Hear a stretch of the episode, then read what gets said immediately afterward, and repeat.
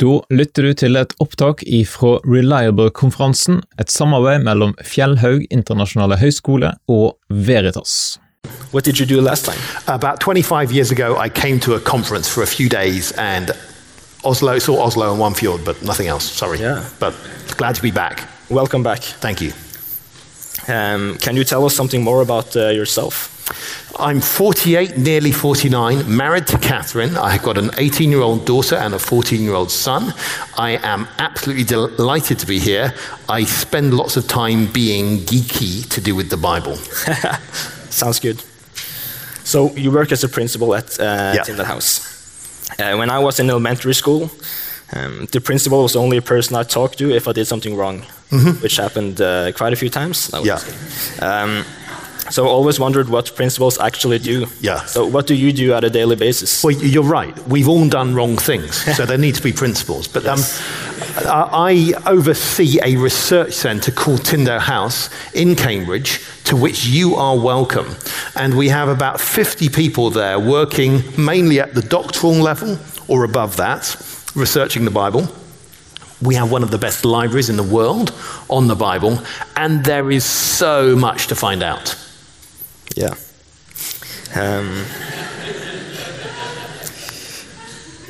when did you start speaking publicly about the reliability of the New Testament? Um, so I'm 48 now. I suppose it was 32 years ago when I was 16, um, but I didn't know so much then. Uh, and um, but I, I mainly the last 20 years.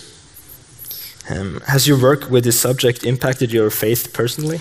Yes, I think um, that we all have doubts, and the way uh, Christianity works is the more you know about the scripture, the more reasons you have to believe.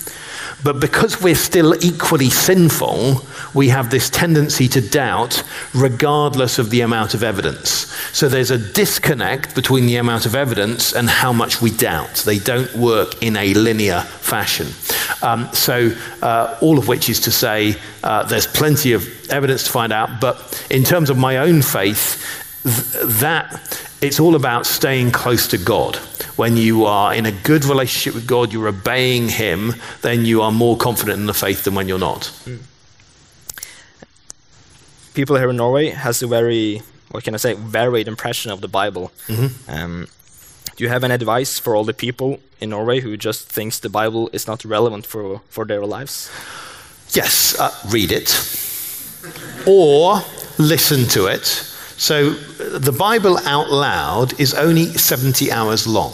So it's not a huge amount. And sometimes I put the Bible on on audio and then go to sleep with it running. um, now, you know, I don't think that's irreverent. I just think there's so much we want to take in. Um, so engage seriously with the Bible, not just on your own, but with other people, and you will find it is very relevant for our lives. When discussing the topic of the reliability of the Bible, I have noticed that several people seem to be rejecting, the- rejecting the Bible because it's such an old book. Mm-hmm. People say, How can you really believe in a 2,000 year old book? Mm. How do you respond to that argument? There are many ways you could respond. Obviously, the idea that something is very old uh, can't be equated with the idea that it's very bad. Otherwise, for instance, people would give up on sex or uh, food or something like that. So that's obviously very illogical, and I might want to point that out. I'd also want to say that sometimes old things have been tested for a long time. I'd also want to say, when you look at the Bible, for instance, Jesus is teaching that you should do unto others what you'd have them do to you, that you should love your neighbor as yourself. I want to say these are very up to date, and can anyone today think of a better set of rules to live by? So I'd want to say, I'd want to say to them how, how up to date the Bible is. So, lastly, what can we expect from you this weekend? Can you give us a little teaser? Well, I mean, you're going to listen for a long time, uh, I hope. Um, but we're going to be looking at the uh, reliability of the New Testament, and then we're going to be digging very deep into two particular passages in Luke chapter 15 and 16. This is a Saturday morning and Sunday morning. And I hope to show to you that there are many levels of depth in a simple parable, a story of Jesus, that will blow your mind as to how deep you can go. And that's part of an argument that this really does come from God. Really looking forward to hearing you speak, Peter. And before you start now, I want to pray for you. Thank you. Dear Heavenly Father, we praise you for who you are. We praise you for being good, righteous, and holy. We thank you for giving us your word and the opportunity for us to study it. We pray that this weekend will bring us closer to you. Thank you for sending Peter Williams here. We pray that you will use him tonight to grow in our trust of you and your word. We pray this in Jesus' name. Amen. Amen. Thank you. Well, good kväll. It's a real delight to be here, and I'm glad that you have taken so much notice of the teaching of Jesus. You remember Jesus criticized the Pharisees for sitting on the front row. Remember that? They liked the front row in the synagogue. He criticized them. You have taken that critique to heart very seriously. Um, however, in future days, whether it's your culture or not, do feel free to come further forward. Um, we're going to look at the reliability of the New Testament, but I want to talk about the importance of trusting the entire scriptures. When Jesus taught about the Bible, he had a very high view of the Bible. He's being tempted by Satan, and he replies to Satan that he doesn't need to eat at this stage, even though he's been fasting for 40 days. Because man shall not live by bread alone, but by every word that proceeds, that comes out from the mouth of God. In other words, the one really important thing we need is what God says. And we need to be obsessed with the question what does God say? We don't need to be successful. That's not the aim of our lives, to be successful. We've only got one job, and that is to hear and obey what God says. Now, you might be successful in doing that, but success, you know, the results is not so much the question as what is God telling me to do right now? Another um, verse uh, where actually you see how important it is to view God aright. And Jesus uh, also quotes the Old Testament like this, but this is the entry, the prologue to the Ten Commandments in the Old Testament. And God says this I am the Lord your God who brought you out of the land of Egypt, out of the house of slavery. You shall have no other gods before me. So, the very first bit of commandment is don't worship other gods, but it comes after God has identified himself. And you know the way God identified himself? He said, I am the God who did something. In other words, he ties together with his resume, his curriculum vitae, his CV. He says, This is what I've done. I brought Israel out of Egypt. Now, if you say history doesn't matter, you know, what it matters is the ethics of Jesus, the values of Jesus, not the history. The Bible is saying this God Himself identifies Himself as the God who brought them out of Egypt. So if you think God didn't bring Israel out of Egypt, or you think it doesn't matter whether God brought them out of Egypt, and God says, This is the way I identify yourself, myself, you're really insulting God and you're changing the view of God. In other words, you're on a step towards idolatry. If you say, I'm not going to worship God who declares that this is his identity. You know, we talk a lot about identity nowadays, don't we? These are my aspects of identity. Well, if God says, This is my identity, and you say, Well, I don't care about your identity, you're actually saying, I'm not going to worship you. Another similar uh, text is where God identifies himself in the Old Testament, and Jesus does quote this one, as the God of Abraham, Isaac, and Jacob. for that to work, Abraham, Isaac, and Jacob need to have existed. If you don't think Abraham, Isaac, and Jacob existed, or it doesn't matter whether Abraham, Isaac, and Jacob existed, you're actually worshipping another God. Often people have defined worshipping God only by his timeless characteristics. So, God is infinite, or God is all powerful, or God is all knowing, God is three in one, He's a Trinity. And people say, that's a definition of God. But that's not a complete definition.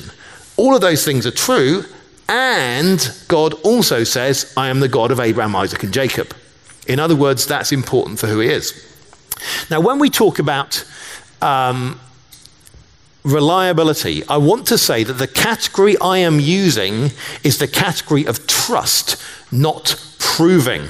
Now, I don't know quite how these words will work out in, in, in Norwegian and, and so on, but, but follow with me. That often when people talk about proof, at least in English, they're thinking about something in mathematics, perhaps something in science, perhaps something in philosophy. And I'd want to say the most important things in life cannot be proven like that.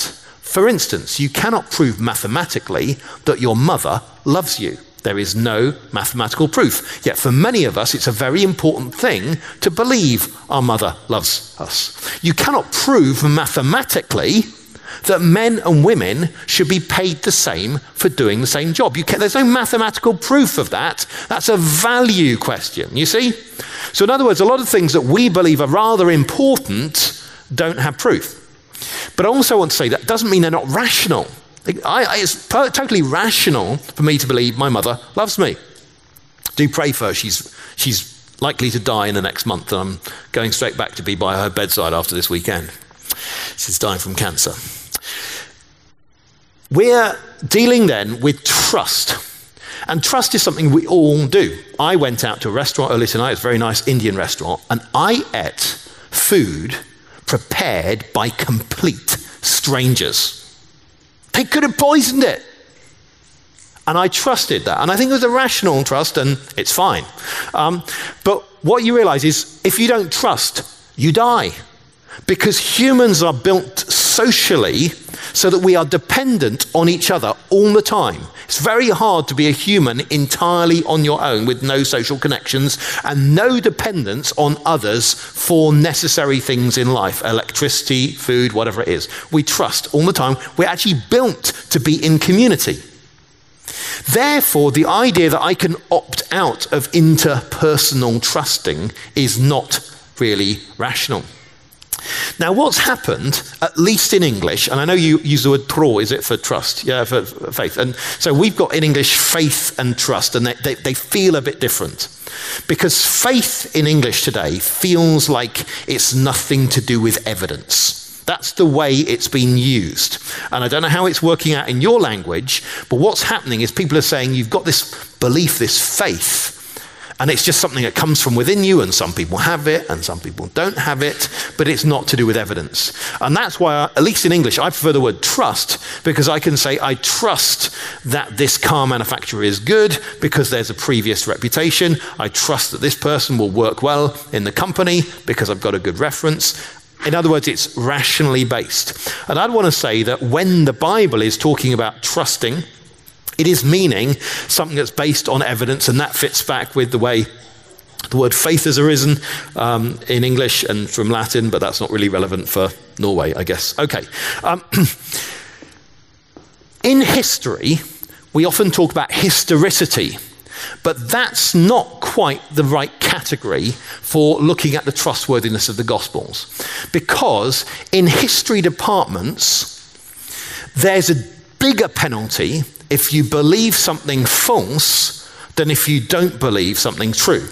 This is Hugh Trevor Roper, who was a great historian of the Second World War.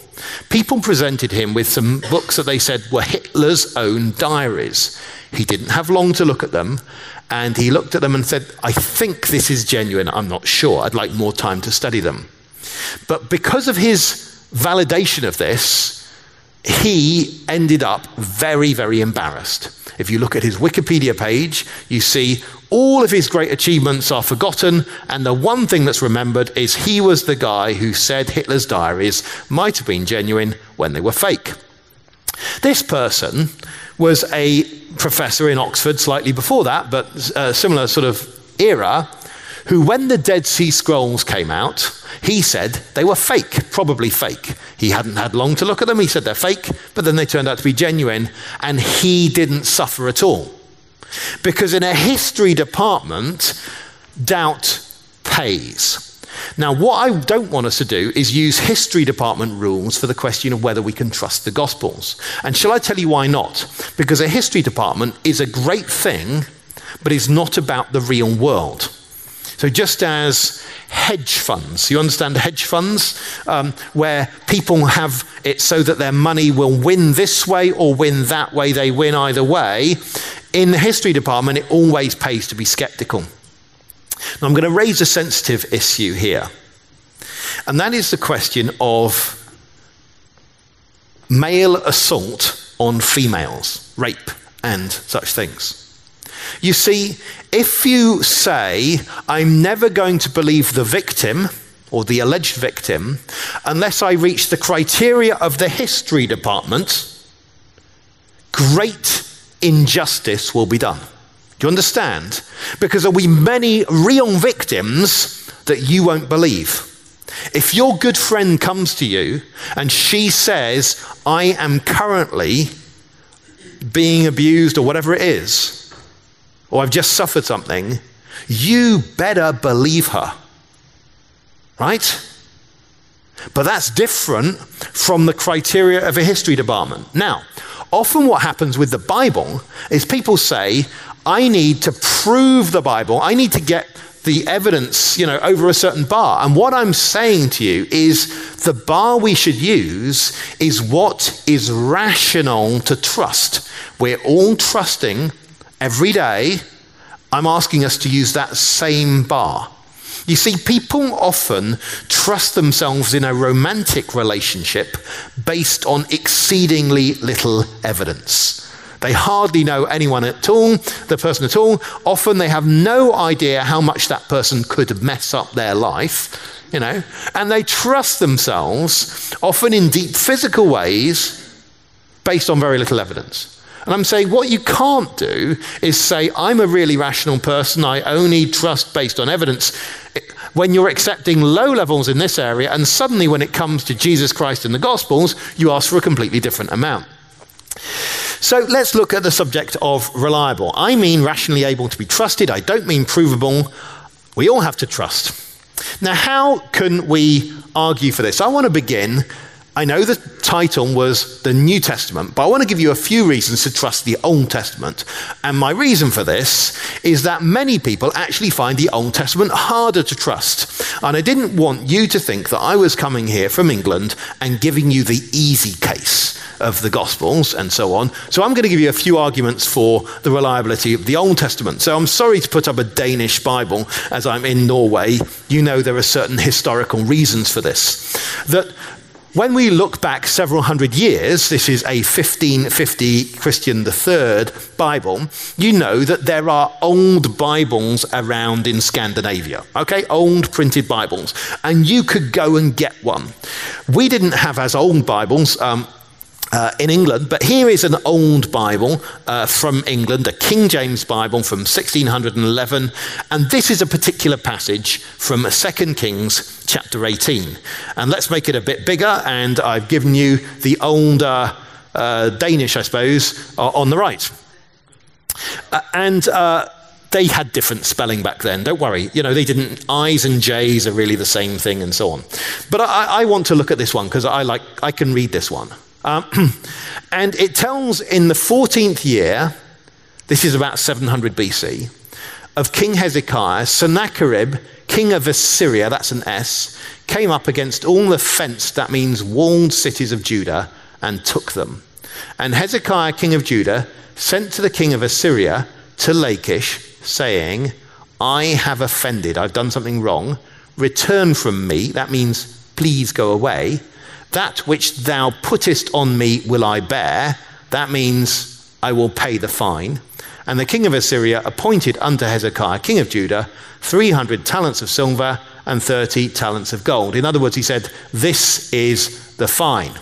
And Hezekiah gave him all the silver that was found in the house of the Lord and in the treasures of the king's house. I won't read it on this side, but it basically says the same. Now, this is something you can easily find in a Bible 400 years old or more. Easily, you can find this passage. Now, what's so significant about that? Because when I look at it and I read the passage, and it even goes on and talks about Tartan and Rabsaris and so on and what they did. What it does is it tells you about people and it's telling you certain historical things. There was a Judean king called Hezekiah. The fortified cities of Judah were captured, all except for Jerusalem. This was done by a king of Assyria called Sennacherib, and he particularly fought against Lachish, and Hezekiah got fined 30 talents of gold and 300 talents of silver. And then Hezekiah, after the fine, gave all of the silver that was in the temple and the king's house. Why is this significant? Because of Napoleon Bonaparte. You see, look at the dates of Napoleon Bonaparte. Napoleon Bonaparte comes after those Bibles. And Napoleon Bonaparte was the person who really began archaeology, began digging stuff out of the ground. When he took experts with his army into Egypt, that's when archaeology began. Now, think about this. We've got Bibles available in England and Scandinavia without even looking at manuscripts, printed Bibles that come from 200 years or more before there was any archaeology. Anything in those Bibles, therefore, can't come from archaeology. It has to come from being handed down over time in manuscripts. It has to come by being copied and copied and copied, right? People, monks, whoever it was, copying things out. That's the only way anything can get into that. It could be Jewish scribes, it can be monks. That's the only way you can get the information. But what happens is after archaeology begins with Napoleon Bonaparte, then the French beat the English to decipher Egyptian in 1822. Ouch. Then there's a race to decipher ancient Assyrian in the 1840s and 50s, different nations in that. And people suddenly find loads of Assyrian kings that are mentioned in the Bible, and they find their records. And what happens is they're in exactly the same order as there are in the Old Testament. You even find three copies of Sennacherib's own account of besieging Jerusalem. And this is what he says. And this is, remember, this wasn't deciphered at the time of those printed Bibles. And this is what he said As for Hezekiah, the Judean, I besieged 46 of his fortified, walled cities. Notice the same phrase, they're walled cities. I conquered them and took out 200,150 people. He himself I locked up within Jerusalem, his royal city, like a bird in a cage. Now, this is called political spin because he didn't capture Jerusalem. How can you say positively, I didn't capture Jerusalem, when you can only ever be victorious? Because Assyrian kings only ever win, right, in their own propaganda. He says, I locked him up like a bird in a cage. But he didn't get into the cage. Hezekiah was overwhelmed by the splendor of my lordliness, and he sent me 30 talents of gold, 800 talents of silver. Well, that's fascinating. Do you remember the numbers in the Bible were 30 talents of gold and 300 talents of silver? But then, strangely, Hezekiah sent all of the silver in the temple and the king's house. Now, I find the agreement on the 30 talents of gold far more interesting than the difference on the numbers of talents of silver. Because I do not know of any ancient record where you have such a specific thing said where you get a confirmation of that kind. You don't get it for Homer's Iliad, you don't get it for the Quran, any no ancient text that I can think of do you get things as specific of this. So this is really amazing. You can look at your Christian the Third Bible and you look and there are these people, Thartan, Rabshakeh, and then in the deciphered language, you look in the dictionaries today and suddenly you find they have these words. They're real words. So somehow your Christian the Third Bible without any archaeology, has managed to get correctly spelled words from 22 centuries earlier in a foreign language. And remember, it's hard to copy foreign words because you don't know what, you know, how they sound. So the surprising thing is this the Bibles at the time of the Reformation and so on were often based on a printed Hebrew Bible, the Old Testament, from 1525. The manuscripts they had were no earlier than the year 1100 AD. And so they are somehow getting correct information from 1800 years earlier. That doesn't happen unless people are copying things, including numbers, which are the hardest things to copy, correctly. You know, numbers get changed more easily because if you write out a wrong telephone number, it's hard to correct. If you write out a sentence with a wrong letter or two, it's usually correctable. We find in the Bible all sorts of kings mentioned of the kingdom of Judah, the green ones confirmed outside the Bible. You find with the bigger kingdom of Israel, more ones are confirmed outside the Bible. You find kings from other countries mentioned inside the Bible, all sorts of surrounding nations. So you find that the Bible mentions these kings, these kings mention the Bible, they have mutual confirmation, and all of that is confirmed by archaeology. All of these people in the right order. Now, to me, this is an astounding thing. And what it does is it vindicates trust. It shows it was rational to trust. I'll give you a couple more arguments, then I'll move to the New Testament.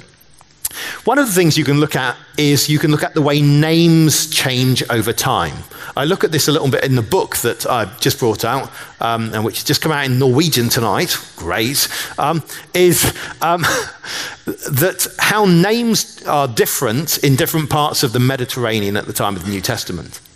But also, we can say names change over time, fashions change. So, if the Bible writers were making up stories 500 years after the events are supposed to happen, or 600 years, or whatever, there is no way they can get the names right. Because they can't read. I mean, how many of us can read texts that are 500 years old without practice? It's actually hard. And they didn't have all the resources we have. And when you look at the Bible, you find that the names in the Old Testament fit into periods. The, um, there are lots of names beginning I or J at the time of, the, of Genesis, and they're a big proportion. Then you have a phase in which there are lots of names which are compound names made up of two parts. And then we have a period when you have lots of names ending Yah, which is part of God's special name. And they're different periods. And I've got a, work, a team of four people working on names, building a big database, should be the biggest database in the world of all ancient names and how they fit together with the Bible. And we're getting some great data on how the Bible fits. I'll give you another example inflation. They had inflation back then, and people trafficked humans. And you can plot the way humans rose in price over time. But when you read the story of Joseph, which is supposed to be in an early part of the Old Testament, he's sold for 20 pieces of silver. And guess what? That price fits pretty well with the period of the story. If you were writing a thousand years later, he would have a different uh, price. Another way you can look at the Old Testament is with the names of their enemies.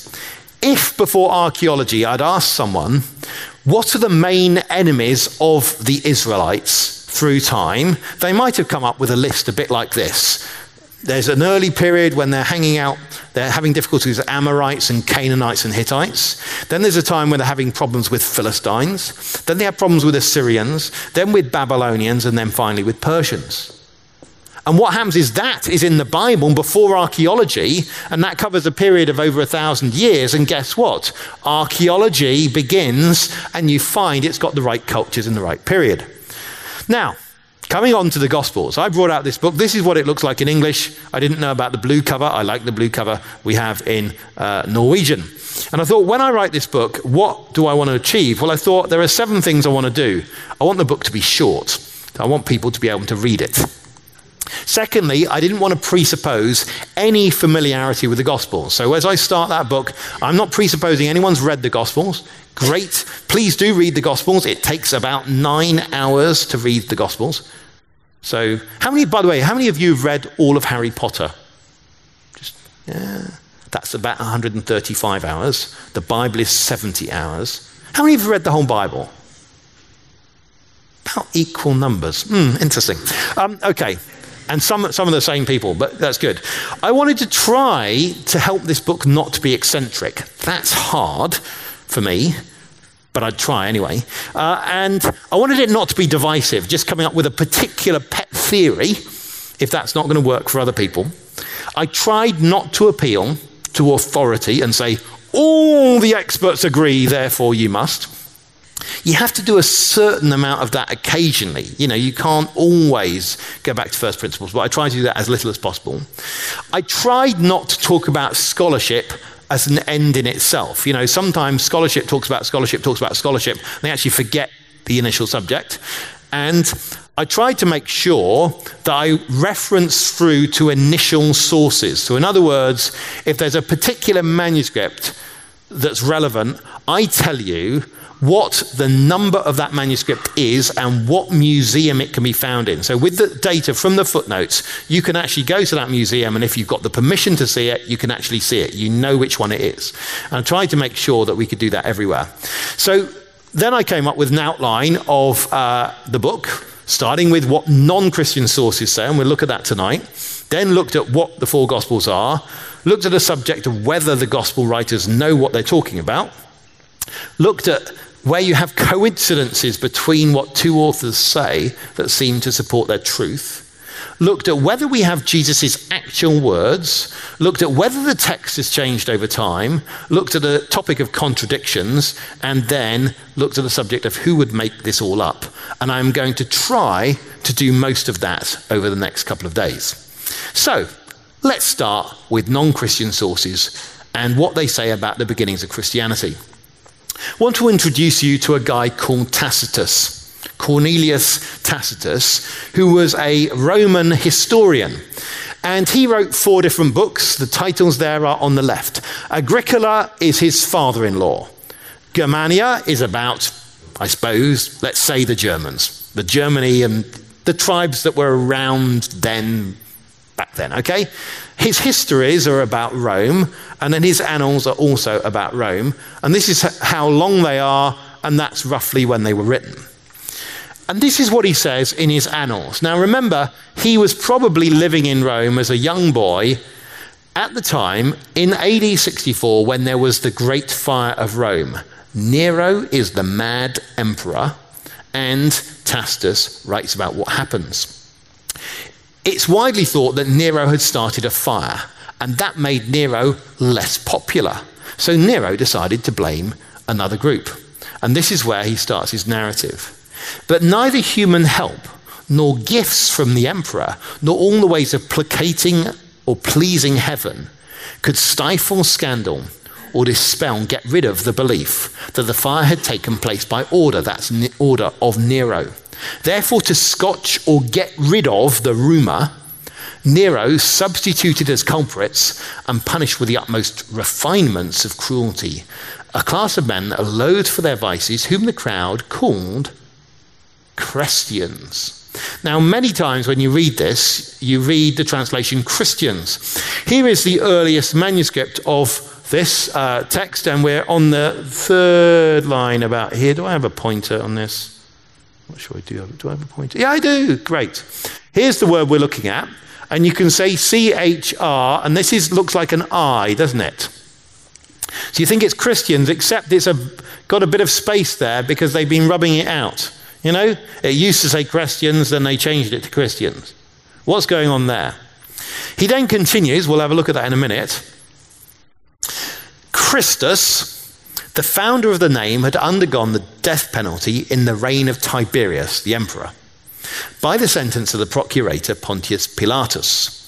And the pernicious, the nasty superstition was checked, stopped, for a moment, only to break out once more, not merely in Judea, the home of the disease, but in the capital, that's Rome itself, where all things horrible or shameful in the world collect and become fashionable. I like Rome. But anyway, um, so this is what he says. What I want you to notice is that he says the person who began this was Christus. He confirms where it began, Judea. He confirms the time it began, sometime when Pontius Pilate was in charge of Judea, and we know from other sources that was for between the year 26 and the year 36. So, from all of this, we can tie down when Christianity started. Aha! But why do they call them Christians or Christians? Well, I looked through a load of manuscripts and actually found there are loads and loads of early sources calling Christians Christians. Now, I don't know if this works in Norwegian, but in English there's a word called cretin, which is a really nasty word if you want to call someone stupid. Yeah, yeah. I don't know if you got a word like that, cretin. Anyway, what you find is Christus is a weird word if you're a Roman because it's foreign, because it's a bit of Greek turned into Latin. It's weird. And it's really translating Hebrew. And it tells you any group with a Christus must believe that the Hebrew Messiah has come, the Hebrew anointed one, because that's what it means. It means the anointed deliverer. But you see, in English, we've had the same thing. When a few hundred years ago people talked about the Quran, they spelt it like this. After a while, they began to spell it like this, which is more accurate. When they first met Muslims, they called them Mohammedans, then later Muslims, then later Muslims, the most accurate. So, exactly the same pattern. When you first come across a weird group, you don't know quite what to call them. So, here are the early Romans thinking there are these Christians around. There are these, you know, what are they called? And Tacitus tells you, no, it's Christus who started the name. It's the crowd, the stupid crowd, who call them Christians. And this is significant because what it shows us is this source is definitely not from a Christian source because the Christians wouldn't have spelt it like this. Then he talks about what happens. First, then, the confessed members of the sect were arrested.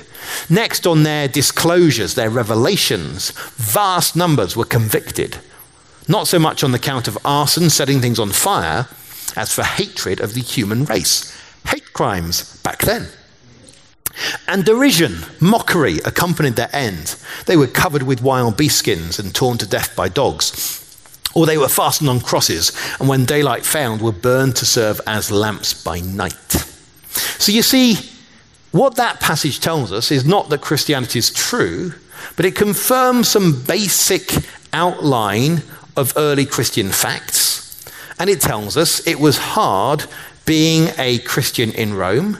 And it's also telling us that it's tough being a Christian within 30 years of it all beginning. So, you know, just in terms of distance, I think the distance from Oslo to Rome is quite similar to the distance from Rome to Jerusalem in terms of how far things are spread. Here we have uh, another Roman writer.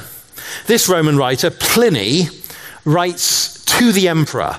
He's governor of northwest Turkey, writing about the problems he's having with Christians, and he's writing around the year 112, writing to the emperor and says, This is what he did with people who were called Christians. So, this is about 80 years after Christianity began.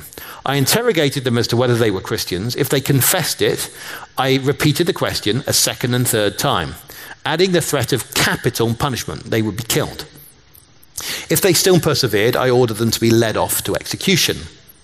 Those who denied that they were or ever had been Christians, who repeated after me an invocation to the gods, a prayer to the gods, and offered adoration with wine and incense to your statue, which I had ordered to be brought for this purpose, together with the images of the gods, and who finally cursed Christ all things it said that no real Christian can be forced to do. I thought they should be discharged, let off. Well, what a nice guy. He's such a nice guy. He's got this moderate, balanced approach. If they persist as Christians, you kill them. If they desist, you let them off. That seems reasonable, doesn't it? So, it, very middle of the road, if you see what I mean, at least middle of his road. Um, and what we notice here, a fascinating thing, that already at this stage, he's distinguishing between Christians and real Christians. Now, the word Christian is used three times in the New Testament. Each one of them is outsider language. That is, non Christians calling Christians Christians. Christians didn't use this word to start with. Here we find exactly the same pattern. It's the non Christians who call them Christians, but you find that actually already at this stage you're having to distinguish. Some people have the name Christian and aren't the real thing. He then says, Others who are named by that informer at first confessed themselves Christians, but soon after denied it, saying that they had been, but they'd ceased three years ago, others many years ago, and a few as much as 20 years ago. They all worshipped your statue and the image of the gods and cursed Christ. Now that's interesting because what we're seeing now is people who gave up on Christianity up to 20 years before the year 112. In other words, sometime in the first century. And this is what happens when they describe what happened. This is what happens in a first century Christian meeting.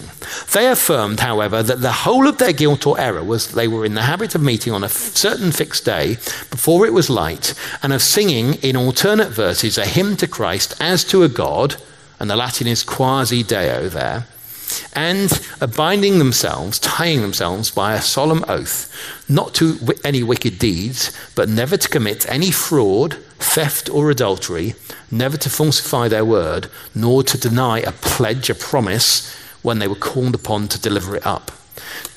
What goes on in an early Christian meeting?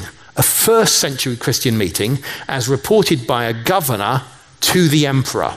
Firstly, there's emphasis on truth. Secondly, they're singing, and who are they singing to? They're singing to Christ. Now, I've got a mathematical question here. How many gods do Romans believe in? Anyone? Any idea? Lots. That's the answer. Lots. Many. Now, another mathematical question. How many gods do Jews believe in? One. Okay. Great the logic of, of, Pliny's test that whether someone's a Christian or not, what's it rest on? It rests on the idea that these people cannot worship the Roman gods. Why not? Because they've kept up the Jewish belief there is only one God. Remember that? Jews believe there's only one God, and therefore they cannot worship anyone else. They can't worship the emperor. They can't worship the Roman gods. They're not allowed to. You can only worship one God because there is only one God. Romans have got many gods, Jews have got one God. Therefore, the fact that he thinks the Christians can be tested by whether they worship the Roman emperor and the Roman gods shows that the logic of the one God view of Judaism has continued. So Christians have got a Jewish name. Christian is just a translation of the Hebrew word Messiah, Christ from Messiah, okay? But also, they've kept up the same idea that there is only one God, right? That's the only way the logic works.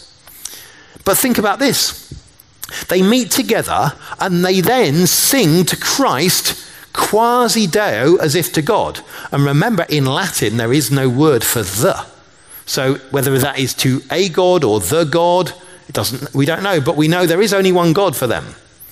Now, a lot of people think that the idea that Jesus is God is something that evolved over a long period of time.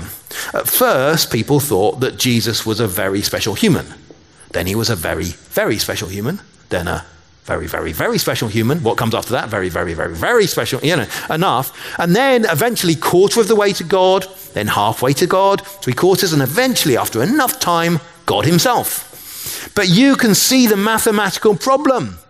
Jews can never have one and a half gods. Gods don't come in halves. There's only one God, and you have on the one side the creator, the God, and then you have the created, and there's a big difference in between them. And there's no way of sneaking across over time from one category to the other. You can't do it. There is no evolutionary path to go gradually from being on the created side to being the creator side. You can't do it. So, this idea that it happens gradually doesn't work.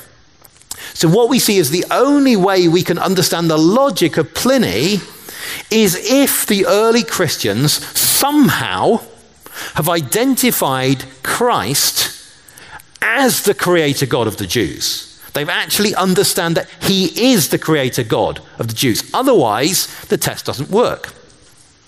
He then continues. Many people, persons of all ages and both and ranks and of both sexes are being and will be called to trial. For this contagious superstition is not confined only to the cities, but has also spread through the villages and rural districts. It seems possible to, however, to check or stop and correct this. It's certain, at least, that the temples, which had almost become deserted, are now beginning to be visited again. And the sacred rites, the sacred customs, uh, after a long interlude, a long time, a long gap, are again being revived, started again. There is general demand for sacrificial animals, for which up to now only rarely were purchasers found. In other words, he's saying to the emperor, so many people in my area have become Christians that the sale of sacrificial meat was dropping, the temples were empty. Now, this fits so well with what I find in the New Testament.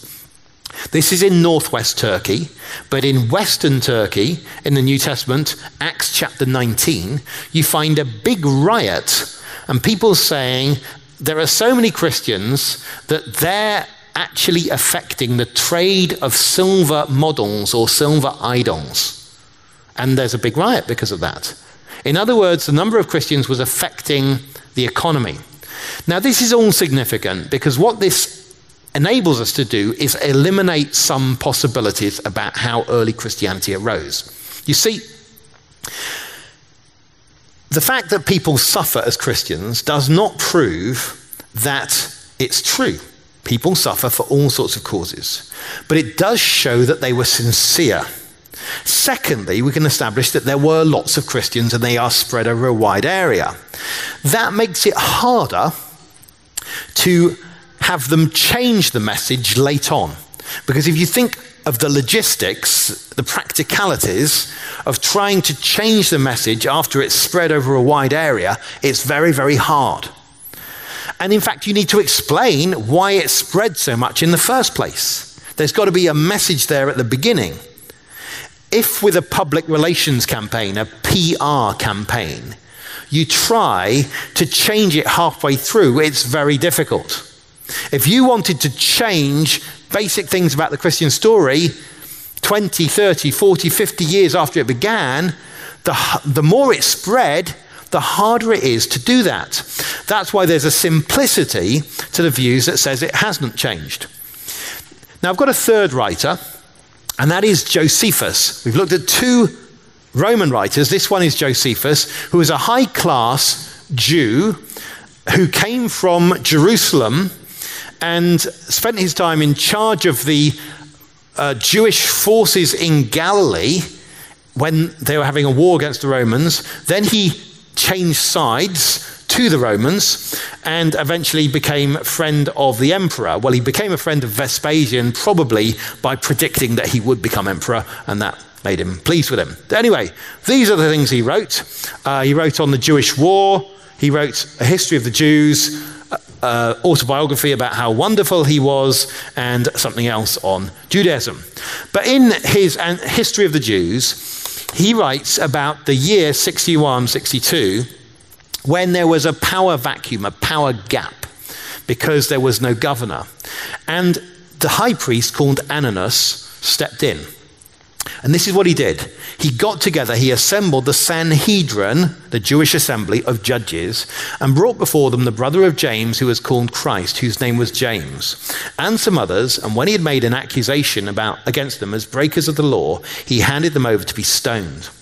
Now, what this tells us is it's not just that people are far, who are far away from where Christianity began who are dying for it. We also have a family member. I think that James was Jesus' younger brother. And it's not that, you know, younger brothers are always right. Certainly not. But what we can say is it's pretty remarkable if you can convince your brother that you're the Son of God, or convince them enough that you're real you know, uh, in, in, in religious terms, this is a remarkable thing. And what we see is it's not just people far away, but people close up who are dying for it. Now, dying for Jesus. Now, some people say the idea that Jesus was born in Bethlehem was made up. Because you've got a bit in the Old Testament that says the Messiah or the future ruler will be born in Bethlehem. So they say, aha, the New Testament stories that Jesus was born in Bethlehem were made to fit with the Old Testament. They're made up afterwards. There's a problem here. Even though I am a younger brother, youngest of three, I believe I know where my older brothers were born because we've been talking about it as a family for a long time. So even if he's a younger brother, he would still know where Jesus was born. And if you want to start changing a story like where Jesus was born, when do you change it? You change it 10 years in, 20 years in, 30 years in. For the first 30 years, family members are alive and prepared to die for their belief. And if you change it 40, 50, 60 years on, the problem is so many people have become Christians, it's spread so far, it's going to be hard to get a change of belief. So when I look at these early sources, I say, wow, they seem to give me a great picture which confirms a basic outline to do with the Gospels. But before we end tonight, and just end in a couple of minutes, um, we're going to have a little look at the Gospels themselves, not much, because we're going to go into the meat of that tomorrow, so please come back. Um, how much source material do we have about Christ? A lot of people say, Show me the stuff about Jesus, and I'm not prepared to accept the Gospels. And I say, Well, look, who was the most famous person alive at the time of Jesus? What about the Roman emperor? I mean, the Roman emperor surely is the most famous person alive at the time of Jesus. So let's take the four, right, four authors we have about the Roman emperor Velleius Paterculus, Tacitus, Suetonius, Cassius Dio. And these are the four authors we have who write about the Roman emperor. Isn't it interesting? We have as many biographies of Jesus, who was someone from Galilee, which, you know, not a very important place, as we have about the most famous person alive at the time. So please don't tell me we don't have a lot about Jesus. But some people say, but I don't trust the Gospels because they're written by biased Christians. Look, most things written about golf are written by golf enthusiasts. Most things written about football are written by football enthusiasts. Most things written about Jesus are written by Jesus enthusiasts. Okay? It's just normal. You can't dismiss this. You can't say, I'm going to do Norwegian history but I'm going to ignore all Norwegian sources because they're biased about their history. That wouldn't be doing a good thing. Of course, we're going to use Norwegian sources for Norwegian history. Yes, we will occasionally look at what the Icelandic and the Swedes tell, say as well. But, you know, of course you're going to use sources like that. So say we're going to ignore all of the Christian sources about Jesus is a ridiculous thing. But let's look how long they are.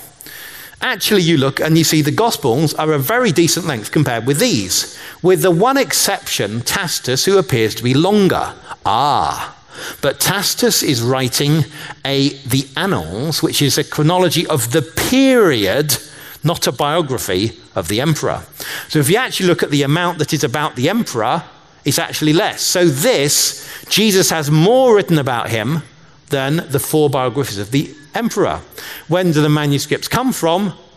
Well, it's this compared with this. The, the 16th century or 9th century compared with the second or third.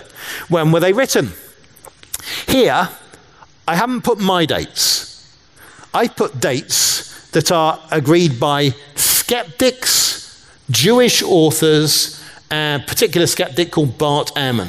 So I put his dates there, and I'm saying even on his dates, these are better than those, with one exception. You see, Tiberius died in the year 37, and there's this man writing in the year 30 giving a biography. The funny thing is, scholars think this one is the least reliable because he was paid by the emperor and he only ever said nice things about him. And it's what he says contrasts so much with what these people say. You see, the later sources tell us that Tiberius was so cruel that he killed all of his enemies and most of his friends. But Velleius Paterculus doesn't tell you that, he just tells you how wonderful he is. And then suddenly Velleius Paterculus stops writing, probably because he was executed. So, in other words, what we have in the Gospels is a lot. And we've got some good circumstantial evidence for taking things seriously. We've got a bit of time for questions, is that right? It's a bit of time for questions or not? Yeah? I don't know how they work, but I'm not organizing this. So there's a microphone. Try and get near the microphone, which Board will bring to you at great speed if anyone has a question. I thought I could just make a quick answer on the last thing you were talking about because I thought that um, perhaps those the biographies of Jesus are not independent of each other. Yep. But the uh, Roman, the biographies of the emperor, perhaps are. Sure. Thank you. That that's great. Um, I'm. That, that we can put that into the sums. So, I mean, John does not have a lot of common wording with Matthew, Mark, and Luke, but as we know, and we'll look at tomorrow, Matthew and Luke have some common wording with Mark.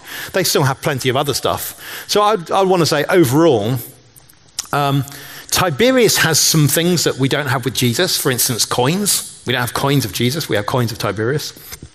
So it's not um, that everything is better about Jesus, but with Jesus, we also could include all 27 books of the New Testament, which all either state or presuppose that he is risen from the dead. They all presuppose that he is an ongoing living being.